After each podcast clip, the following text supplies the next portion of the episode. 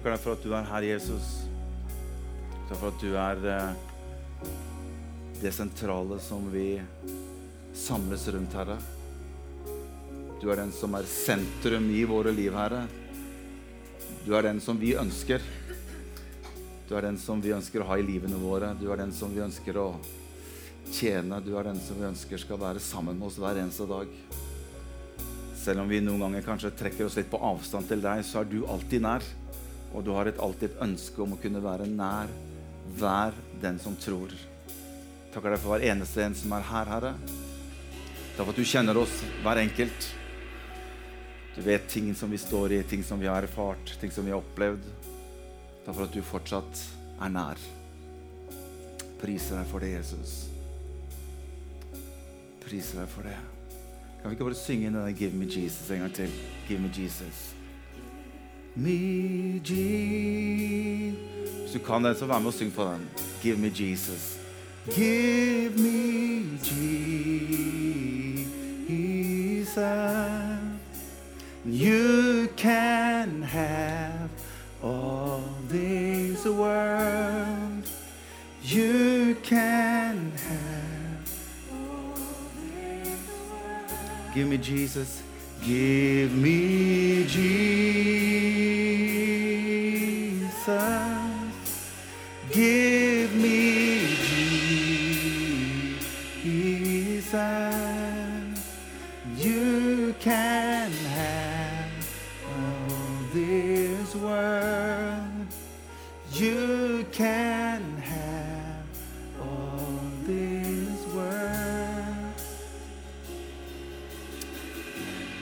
Amen. Amen, amen, amen. Takk skal du ha, Anette. Takk skal du ha, musikere. Det er eh, Jeg syns det var fint, Anette. Jeg synes det var veldig fint å høre.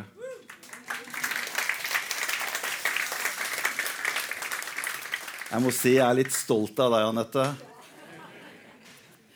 Det var nesten så jeg glemte teksten litt innimellom. tenkte, Er dette en kjærlighetssang til meg? tenkte jeg liksom. Så ja. Veldig bra. Takk skal du ha. Takk skal dere ha. Eh, vi, skal gå, vi skal gå rett inn i Skriften, og vi skal dele litt sammen. Det er, jeg, er det noen her som er her for første gang i dag? Er det noen som er for første, Kan ikke dere løfte opp en hånd hvis det er noen her som er her for første gang i dag? Der er det én. Gud velsigne deg. Der er det flere. Her er det flere. Her er det flere. Kan ikke vi gi de en klapp, de som er her for første gang i dag? So nice to see you. Welcome. Yes. Veldig bra. Så er det jo så fint at vi kan ha headset hvor, eh, hvor norsken kan få lov til å bli oversatt til et annet språk som, eh, som man kan forstå.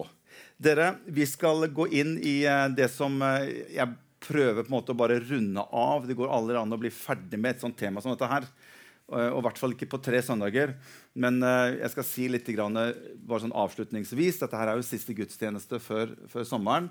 Og det er sikkert mange her som nå gleder seg på en måte til å kunne reise litt på, på litt sommerferie. Jeg må si at jeg er en av de som gleder seg til å få litt sommerferie. Vi skal jo ha bryllup om ikke lenge også. Han eldste min han skal gifte seg om 14 dagers tid. Og det blir veldig, veldig bra. Så det gleder jeg meg til å få lov til å være med og vie de. Så det blir, det blir stas. Bra. Eh, men vi skal gå inn i teksten. Jeg tror vi skal bare lese den teksten som har vært utgangspunktet for det som jeg har snakket for en, en ny skapning i Kristus, eller en ny skapelse i Kristus. Og det er det som vi finner i 2. Korinterbrev kapittel 5.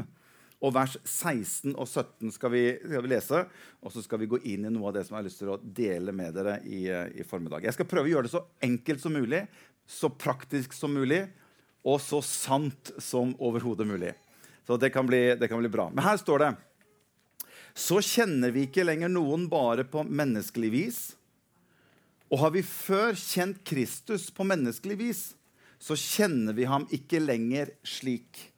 Nei, den som er i Kristus, er en ny skapning. Det gamle er borte, se det nye er blitt til. Så det Paulus skriver her til menigheten i Korint, han tar opp egentlig to ting. Han sier at vi som før har kjent Kristus etter kjødet, altså på menneskelig vis når han var her nede, det er også et bilde på at nå kjenner vi ikke han ut ifra den gammeltestamentlige tanke som var på en måte en helt annen måte å kjenne Gud på. Og Paulus snakker veldig mye om at det som var, det som var før den nye pakk kom inn, var billedlig. Det var skygger av det som skulle komme. Så det kunne ikke fullt ut gi svaret på alle ting, men det ga en slags form for pekepinn på det som skal komme. Og det er det Paulus sier litt her, at nå kjenner vi ikke For vi som før har kjent Kristus på menneskelig vis, så sier han så kjenner vi ham ikke lenger slik. Hva som har skjedd? Jo, Jesus han døde, og så står han opp igjen ifra de døde. Og da sier Skriften at han er den førstefødte blant mange brødre. Han er den første som står opp fra de døde. Han er dødens beseirer. Og i og med at han er dødens beseirer, så inviterer han deg og meg til å kunne få lov til å få liv ved han i Kristus. Og det er det da Paulus sier etterpå. Nei, den som nå er i Kristus, så sier Paulus han er en ny skapning. Det er det som er det geniale, det er det som er det nye og den største forskjellen på den gamle pakt og den nye pakt. Det er at I den gamle pakt så kunne ikke et menneske bli født på ny. Så alt som skjedde i den gamle pakt, det var renselsesseremonier i forhold til din og min stilling innenfor Gud. Så hvis du hadde gjort noe galt i den gamle pakt, i Det gamle testamentet, i forhold til hva som var loven, ja, så måtte du gjøre et offer på vegne av den synd eller det gale du hadde gjort, hver gang. Så hadde du gjort noe feil, så måtte du bringe et offer til presten, og han ofret det på vegne av den synd eller det gale du hadde gjort. Det måtte du gjøre hver gang. Men i den nye pakt så er tingene litt annerledes. For da kan faktisk du og jeg bli født på ny. Og Paulus han sier det at Kristus han har, han har tilgitt oss, og han har dødd for synden. Så sier han én gang for alle.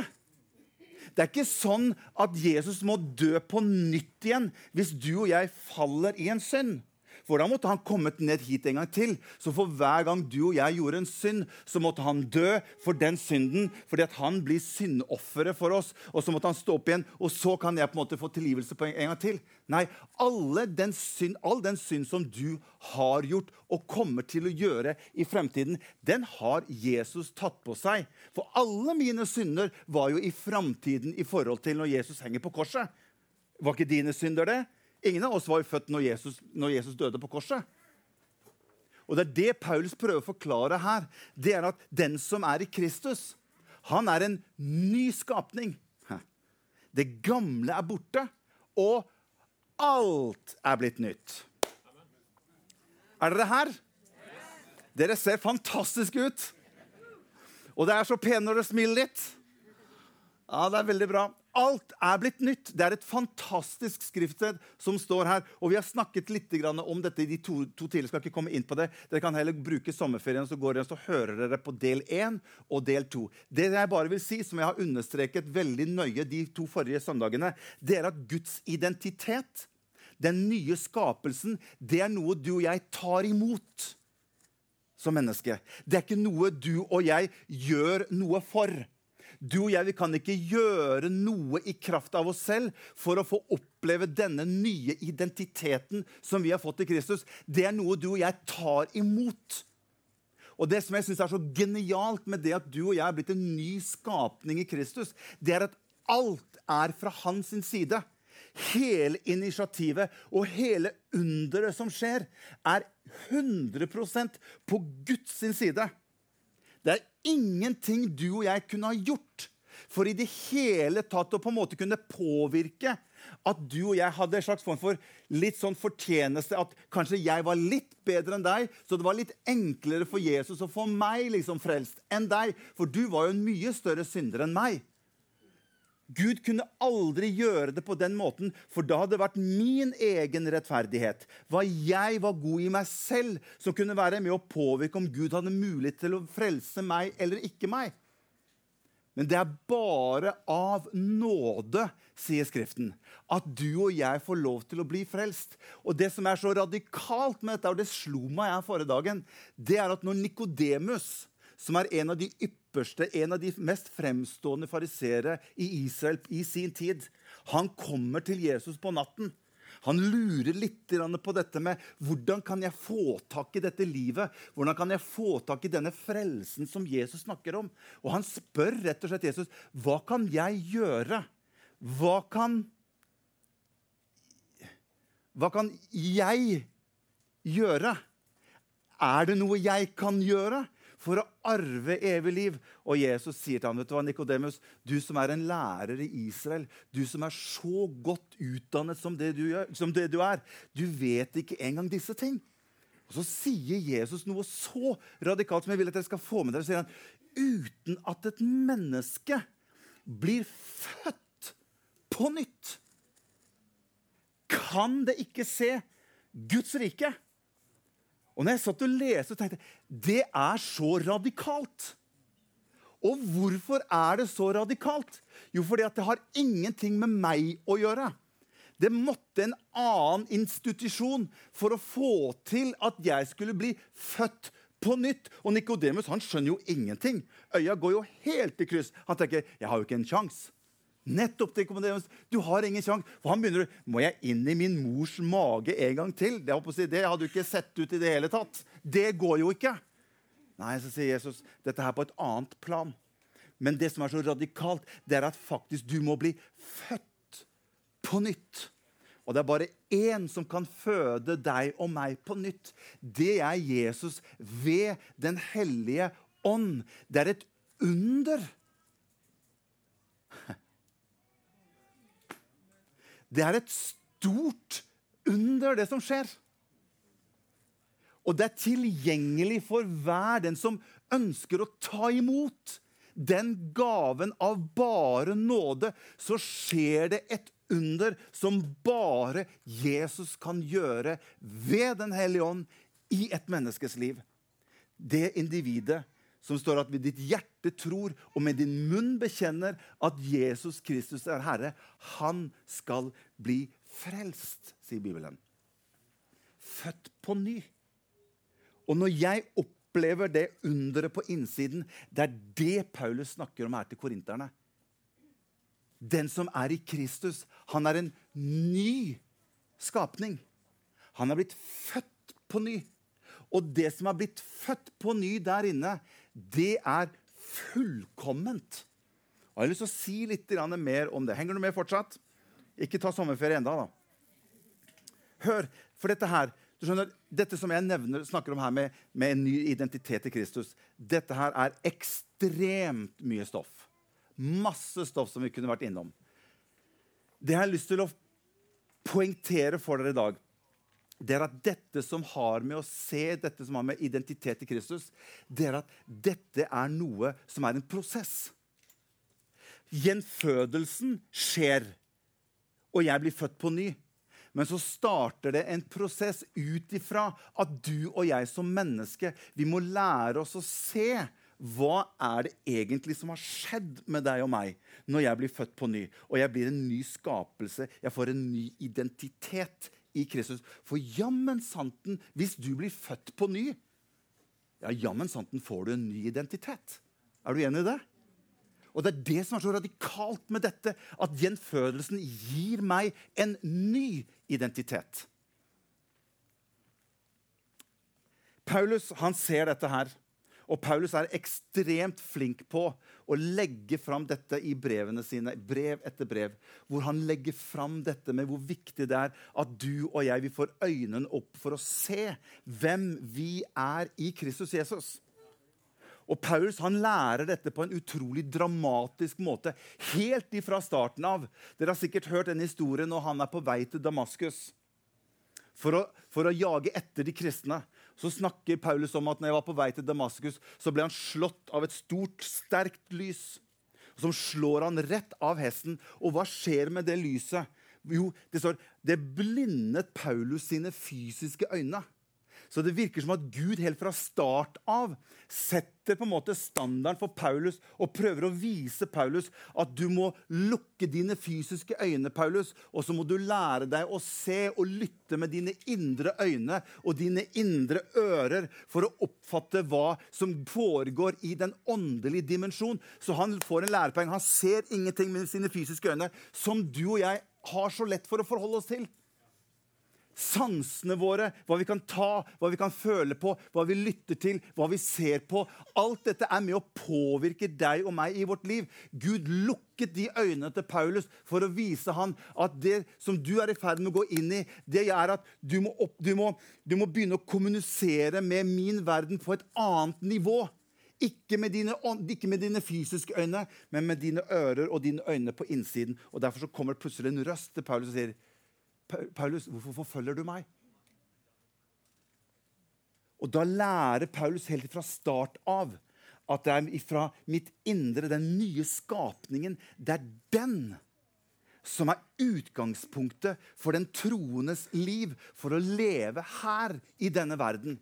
Det er ikke i første omgang om du er god eller snill eller ikke snill, eller hva det har du og jeg på en måte tenker på. Det er hva som har skjedd på innsiden av deg og meg, som er selve utgangspunktet for å leve livet sammen med Jesus. Og alt folket sa Amen. Se her, jeg må vise deg noe her som står i 2. Peter kapittel 1 og vers 1. Vet du, Dette blir jo ikke sendt på lufta. Vi er jo ikke online i dag. Så jeg kan egentlig holde på ganske lenge. Og i og med at det er siste gudstjeneste nå, så tenker jeg at jeg tar bare litt jeg tar bare litt av det jeg har tenkt å holde på til høsten. Er Det greit? Så bare tar jeg litt sånn, Det er sånn kredittale. Så jeg tar en sånn 20-30 minutter, så skal jeg heller bare love å dra av det liksom sånn til høsten. Sånn par søndager, så, har jeg liksom, så er jeg à jour på tida mi. Men jeg har, litt, jeg har lyst til å dele med dere. Vi skal lese hva som står i 2. Peter 1 og vers 1. Her skriver Peter noe fantastisk som jeg vil at dere skal følge med på. For du skjønner, jeg opplever og hører på jeg sier for noe, jeg opplever at veldig mange kristne har ikke kunnskap om disse tingene her. Det som har med min nye identitet i Kristus, hva det, hva, hvilken viktighet det er, og hvilken konsekvens det skal ha for ditt og mitt kristenliv. Det er, jeg opplever det er, det er mange kristne som de får ikke tak på dette her. Og så, så, så, kommer vi inn i veldig mange andre former for hva vi tror og tenker og føler og mener om ting. Og så mister vi noe av det essensielle og det viktigste i hva som har skjedd med deg og meg som en som har tatt imot Jesus. Og her sier Peter noe som er veldig veldig bra. Simon Peter, Jesu Kristi tjener og apostel, hilser dem som har fått den samme dyrebare tro som vi, gjennom rettferdigheten fra vår Gud og frelser Jesus Kristus. Nåde og fred være med dere i stadig rikere mål, sier Peter. Ved at dere kjenner Gud og Jesus vår Herre. Og Så sier Peter noe fantastisk. Legg merke til hva han sier. Ja, alt vi trenger. Jeg gikk og sjekka litt på den greske grunnteksten her, ordet 'alt'. Og vet du hva det betyr på norsk? Alt. Jeg, jeg tenkte jeg må, slå, jeg må, slå, opp det ordet 'alt' der. Det kan ikke være alt.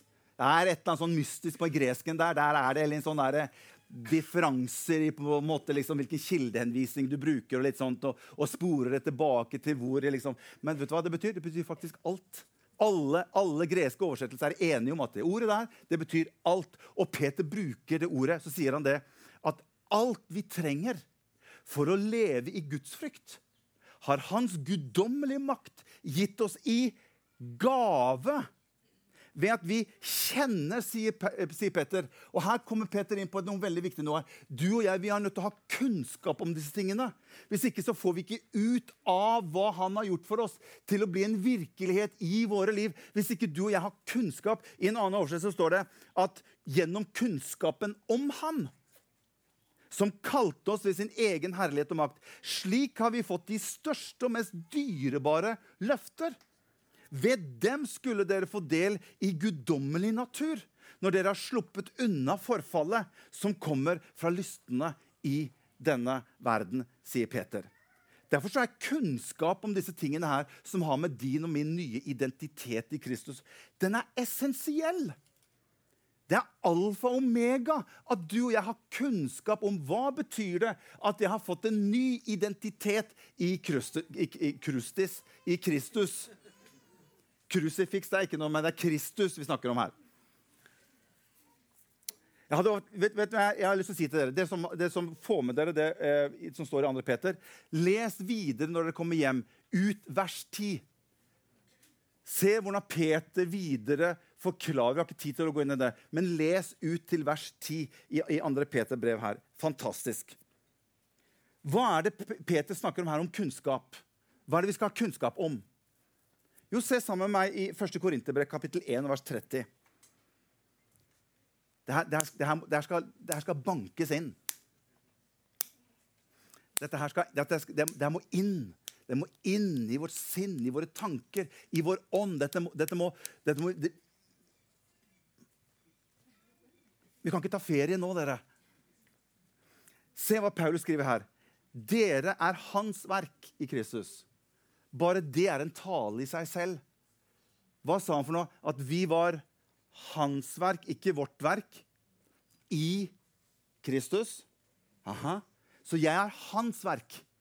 Når Jesus gjør noe, gjør han det delvis, eller gjør han det helt? Gjør han det sånn nesten fullkomment, eller gjør han det fullkomment? Hvis jeg er hans verk, så har han gjort det fullkomment. Og det er det Paulus sier. Dere er hans verk i Kristus. Han som er blitt vår visdom fra Gud. Og så sier Paulus når faktisk så er han blitt vår rettferdighet. Ja, Jeg hadde ikke noe rettferdighet i meg sjøl som jeg kunne stille opp med. Hvis jeg prøver med en sånn egenrettferdighet som vi kristne har lett for å gjøre, så slår det helt feil. Han har blitt min rettferdighet. Og til og med så sier Paulus at han har blitt min helliggjørelse. Ja, men jeg trodde, jeg trodde jo at helliggjørelsen det var jo noe som du og jeg skal, skal jobbe med liksom, i livet vårt. Ja. Nå er det noen som er, noen som er nervøs. Hva kommer, hva kommer han til å si nå? Det merker jeg. merker 18 spørsmål bare boff! Det er det som er så interessant med Skriften, og det er så interessant å kommunisere med mennesker. det er at Du merker den der okay, nå, nå, nå, nå, må vi lytte her. Men hva mener Paulus her, da? At, han, at vi er hans verk, at han har blitt vår helliggjørelse. Tygg litt på hva, hva er det Paulus mener for noe. Ja, Skal ikke jeg ha noe helliggjørelse? Jo, men det jeg oppdager noen ganger, det er at du og jeg som mennesker vi er ofte mye mer opptatt av den der helliggjørelsen hvor du og jeg spiller en rolle inn i bildet, enn vi faktisk er med å begynne å se hva han har gjort, og at han er vår helliggjørelse i kraft av hva han har gjort i våre liv. Og det er dette Paulus ønsker å skifte noe av fokuset med. At du og jeg skal få se hvilket verk du og jeg er i Kristus Jesus. Han har gjort meg fullkommen i Jesus. Nja, ikke så sikker på det når jeg ser på hun, og når han og det er jammen langt unna fullkommen i mine øyne. Ja, men da ser vi på den ytre helliggjørelsen. Da ser vi ikke på den helliggjørelsen som har med din og min ånd, som er født på ny, og som har blitt en ny skapning i Kristus. Den, sier Paulus, den er fullkommen rettferdiggjort. Den er fullkomment helliggjort. Det er ikke sånn at din og min ånd vokser i helliggjørelse etter hvert som du og jeg lever sammen med Jesus. Nei, nei, nei, nei, nei. Den er fullkommen. Og det står helliggjørelse og forløsning for at den som er stolt, skal være stolt av Herren, slik det står skrevet. For hvis det var sånn at du og jeg på en måte kunne liksom ja, vet du hva, Jeg ser jo at du eh, jeg ser at du er ikke helt akkurat på samme nivå som det jeg er. Og det har nok litt med helliggjørelsen din i forhold til helliggjørelsen min. Jeg ser jo det at jeg har kommet en ganske lenge, godt så lenge stykke fram enn det du har gjort. Ja, ja, Gud velsigne deg. Stå på, du bror og søster. Og så kanskje du tar meg gjennom noen år. det tror jeg ikke noe på, men vi får jo se. Og så måler vi oss på en måte i en slags form for menneskelig måte å se disse tingene på. Vet du hva jeg vil si til dere alle sammen? Det er fryktelig farlig. For vi alle, sier Paulus, hadde syndet og kom til kort Guds herlighet. Hvis vi skal begynne å måle oss med hverandre, Hva hadde vi gjort hvis Jesus skulle begynne å måle seg selv opp imot oss? Men av bare nåde, som en gave av bare kjærlighet, så kan du og jeg få lov til å ta imot denne gaven til gjenfødelse hos Jesus. Og jeg må si, jeg er veldig glad for det, for jeg trenger det. Og jeg trenger det hver eneste dag. Og jeg trenger at ikke jeg blir høy på meg selv i min egen åndelighet. Jeg trenger å vite det. Det var bare pga. hans godhet og hans kjærlighet som rakte ut en frelsende hånd til Morten, som jeg kunne få lov til å ta imot ufortjent av bare nåde. Det kunne jeg få lov til å ta imot. Og han ga det til meg uten å stille krav til hva jeg hadde fått til i egen kraft. Han sa, Morten, hvis du vil, så kan du få lov til å få en gjenfødelse i din ånd som er 100 og da sier jeg til Jesus, den tar jeg imot. Hvis, hvis du, Er det greit for deg, Jesus? Ja, vet du hva? Jeg elsker deg så høyt at det jeg ønsker det er at, Men du må la meg få gjøre verket. for Hvis du blander deg inn med ditt sånn selvrettferdighetsgreier, så blir det litt kryss, og det blir, litt, og det blir ikke bra. Men la meg få lov til å gjøre verket. For jeg ønsker at du skal være mitt verk.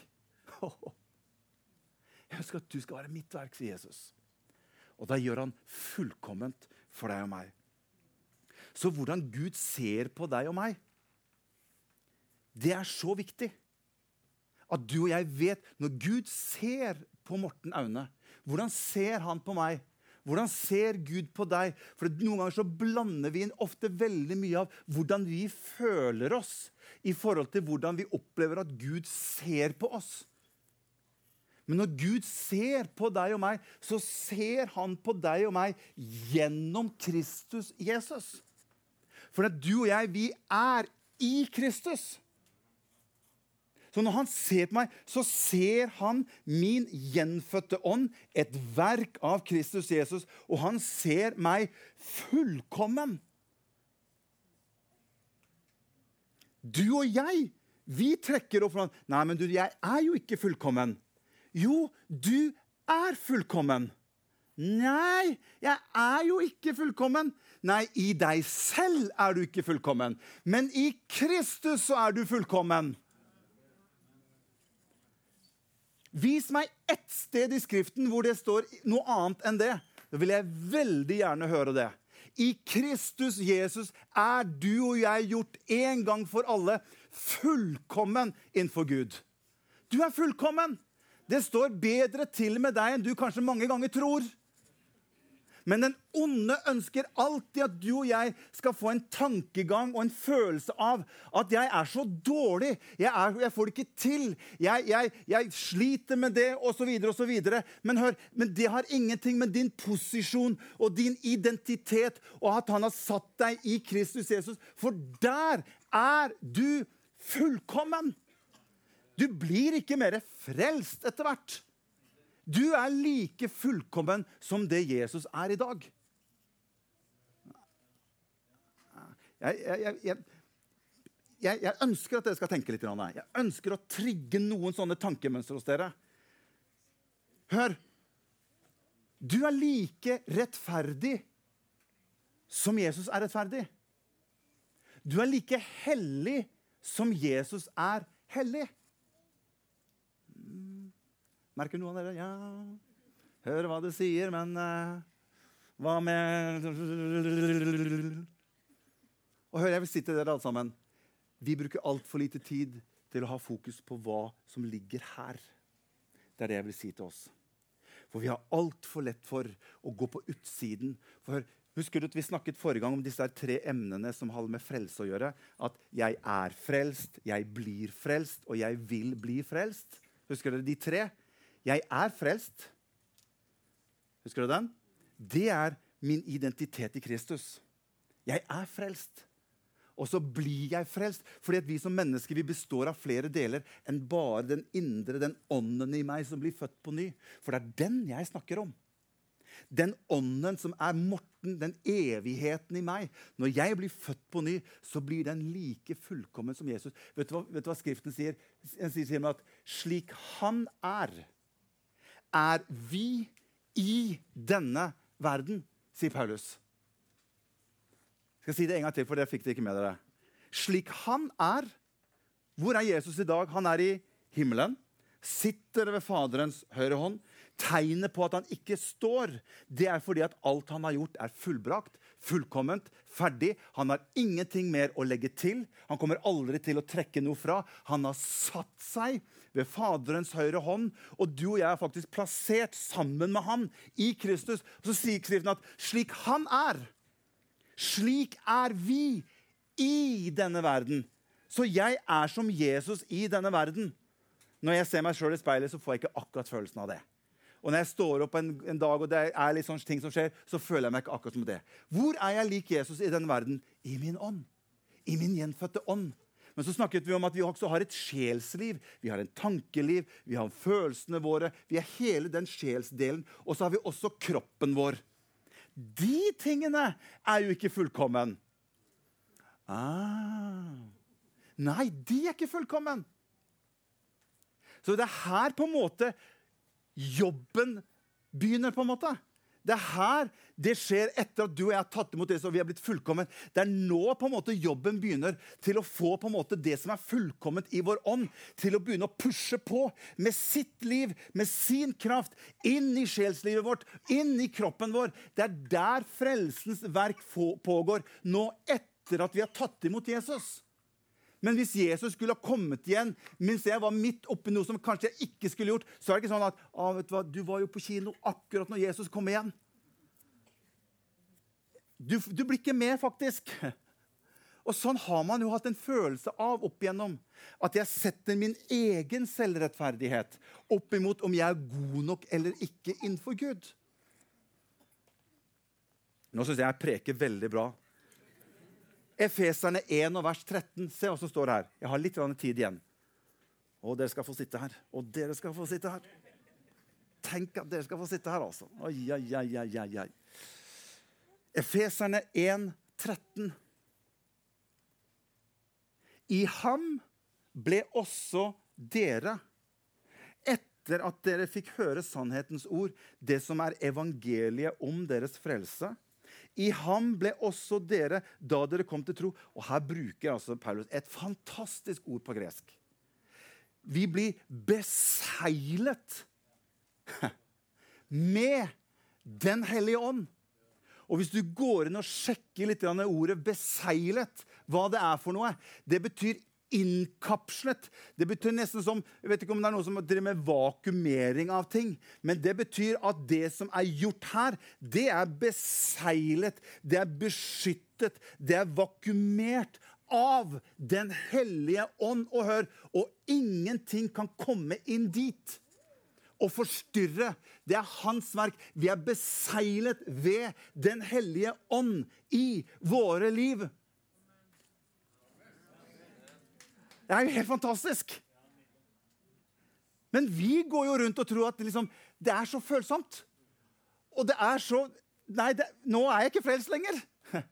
Og nå er jeg borte fra Gud. Nå vil jeg ikke ha noe mer med meg å gjøre. Og så legger vi hele kristenlivet vårt på et slags form for menneskelig nivå innenfor Gud. Hør, har Han født deg på ny, så er din ånd beseglet. Ja, det, det det får ikke blitt bedre enn dette her. Min ånd er fullkommen, ren, helliggjort, rettferdiggjort. Min ånd er like rettferdig som Jesus. Like hellig som Jesus. Du kommer ikke til å bli mer fullkommen enn det du er nå. Oi, oi, oi. Det er dette Paulus Det er dette Paulus har en, en, lidenskap i sin tjeneste etter å få folket til å se. For han vet, og det er det jeg også ønsker å vise dere, han vet at den eneste måten å få oss som troende i våre liv til å få en forandring i livet For at Gud ønsker forandring i våre liv. For det er noen som kan begynne å tenke liksom sånn Ja, men da kan jeg jo egentlig bare gjøre som jeg vil, da. Her er det jo bare å kjøre på. Hæ? Her trenger jo ikke jeg noe Her har jo ingen hinder. Hvorfor ikke bare kjøre Hvis jeg er beseglet, og hvis, jeg, hvis det ikke har noe påvirkning på hva jeg gjør, ja, så kan jeg jo bare kjøre på. Da kan jeg leve akkurat sånn som jeg vil. Nei, det har ikke jeg sagt. Og det har ikke Paulus sagt heller. Men det var noen som trodde kanskje at Paulus mente det når han underviste. For de kom med det spørsmålet til Paulus. Ja, men kan vi bare fortsette å synde, da? Eller sier de til Paulus. Kan vi bare fortsette å, liksom, å leve som vi vil? Eller som, som, som, som disse menneskelige sansene våre som, de, drar oss i retning av noe som øyet har lyst på, eller som ørene hører om, eller som jeg ønsker å gjøre. Da kan vi egentlig bare fortsette. Og det er da Paulus sier så langt derifra. Og så sier han, hvordan kan vi, som har opplevd denne gjenfødelsen på innsiden av vårt liv, i vår ånd, hvordan kan vi da fortsette? Når vi har fått dette livet på innsiden, da har vi misforstått. For det er jo nå det er jo nå håper jeg, kampen eller jobben eller å arbeide på min egen frelse det er jo nå den begynner. Og Den hellige ånd ønsker, ut ifra at du er blitt en ny skapning, å få dette livet til å påvirke inn i hverdagen din og min, inn i livet vårt, så vi blir mer lik Jesus. For på innsiden så er han min hellighet. Han er min renhet. Og når jeg har tatt imot det, så ønsker denne helligheten og denne renheten den ønsker å gjøre seg gjeldende gjennom mitt sjelsliv og ut i min kropp, ut i min hverdag og ut i mitt liv. Det er derfor Paulus sier men dere må se hva dere er der, slik at dere kan bli besmittet av det ut i deres sjelsliv og inn i deres kropp.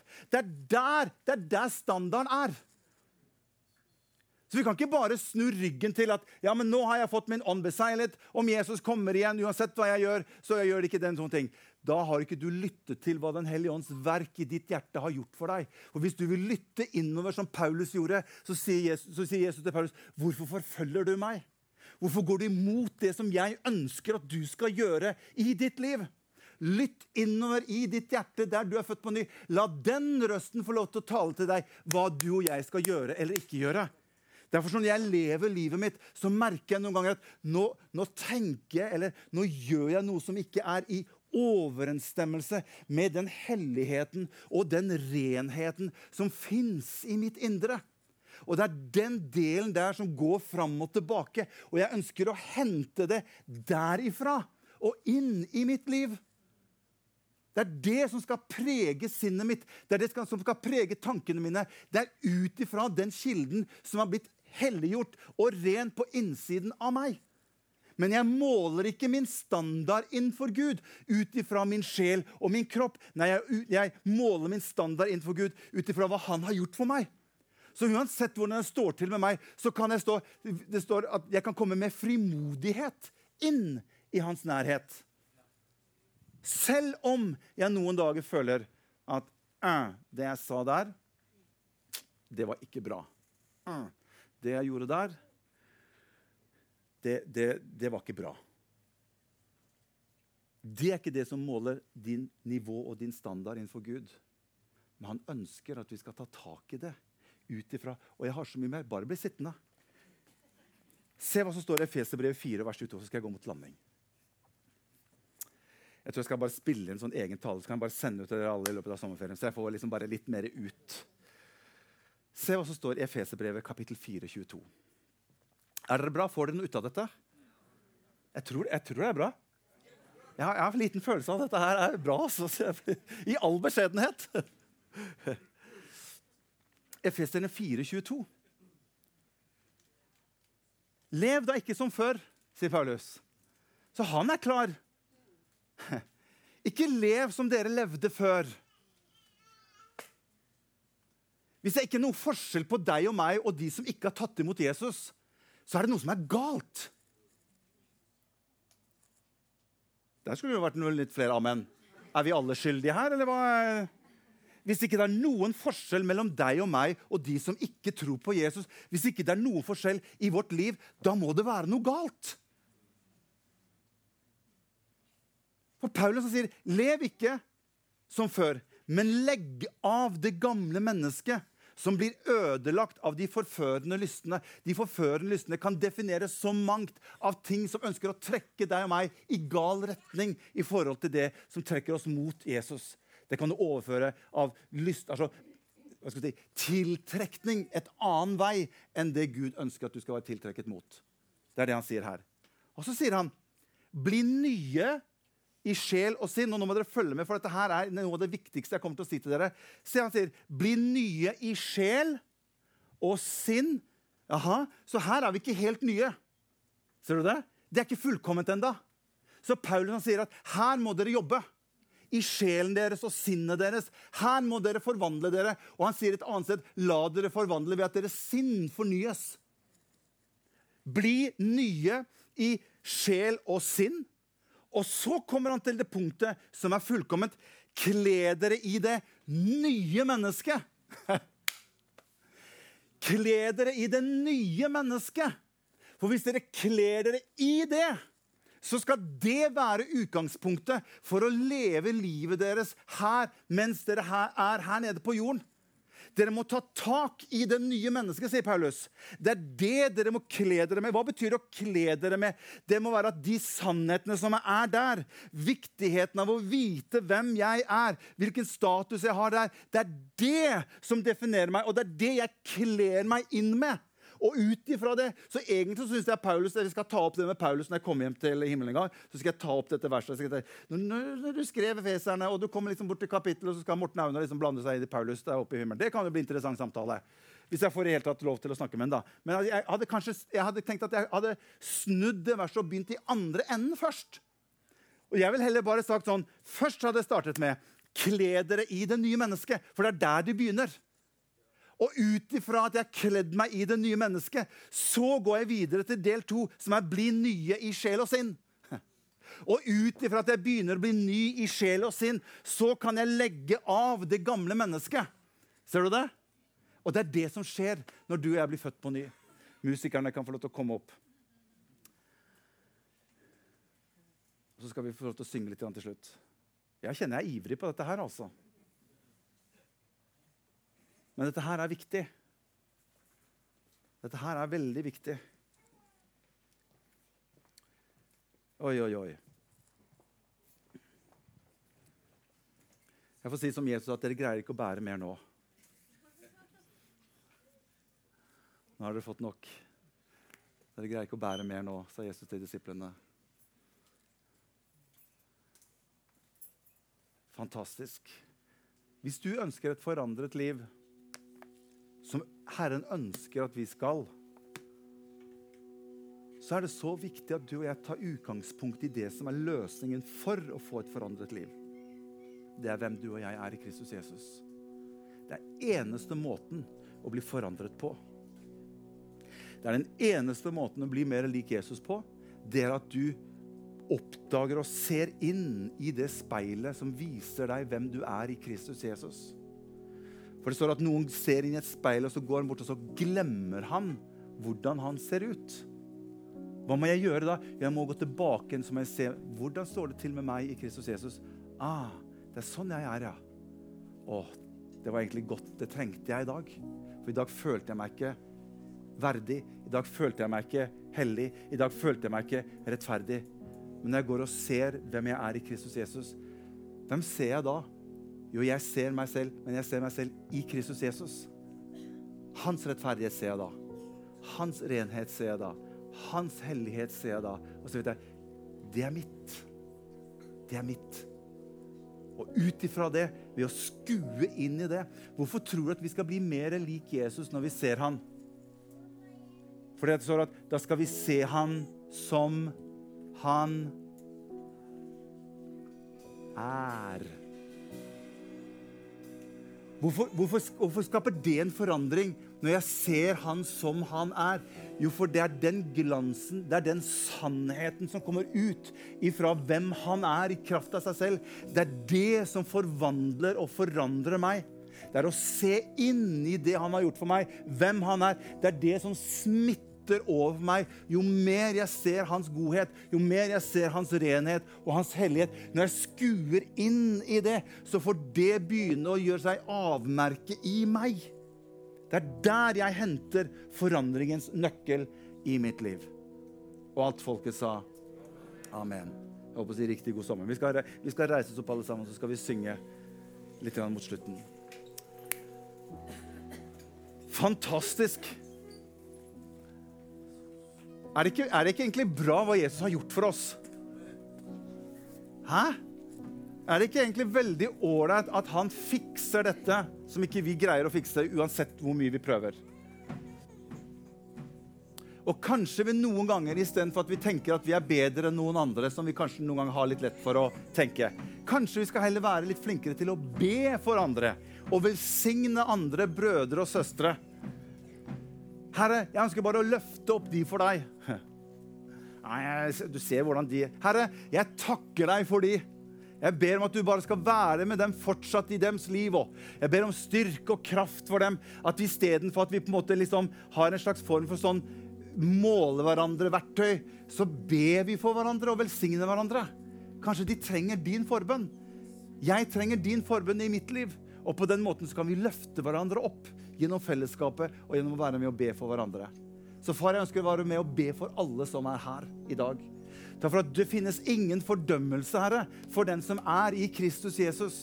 Takk for at du har skapt oss fullkommen, Herre, i deg, Jesus. Og vi kan få lov til å kjenne og vite det, at jeg kan få lov til å stå med rak rygg innenfor deg, uten skam. Uten plett, uten noe rynke, Herre. I deg er jeg fullkommen, og jeg ber, ber om at den sannheten, Herre, skal få lov til å bli virkelighet i livene våre, Jesus. Jeg takker deg for hver eneste en som er her. Vi kan føle oss ufullkommen, men i deg så er vi fullkommen, Herre. Hjelp oss til å se hvem vi er i deg. I Jesu navn. Amen. Gud velsigne dere alle sammen.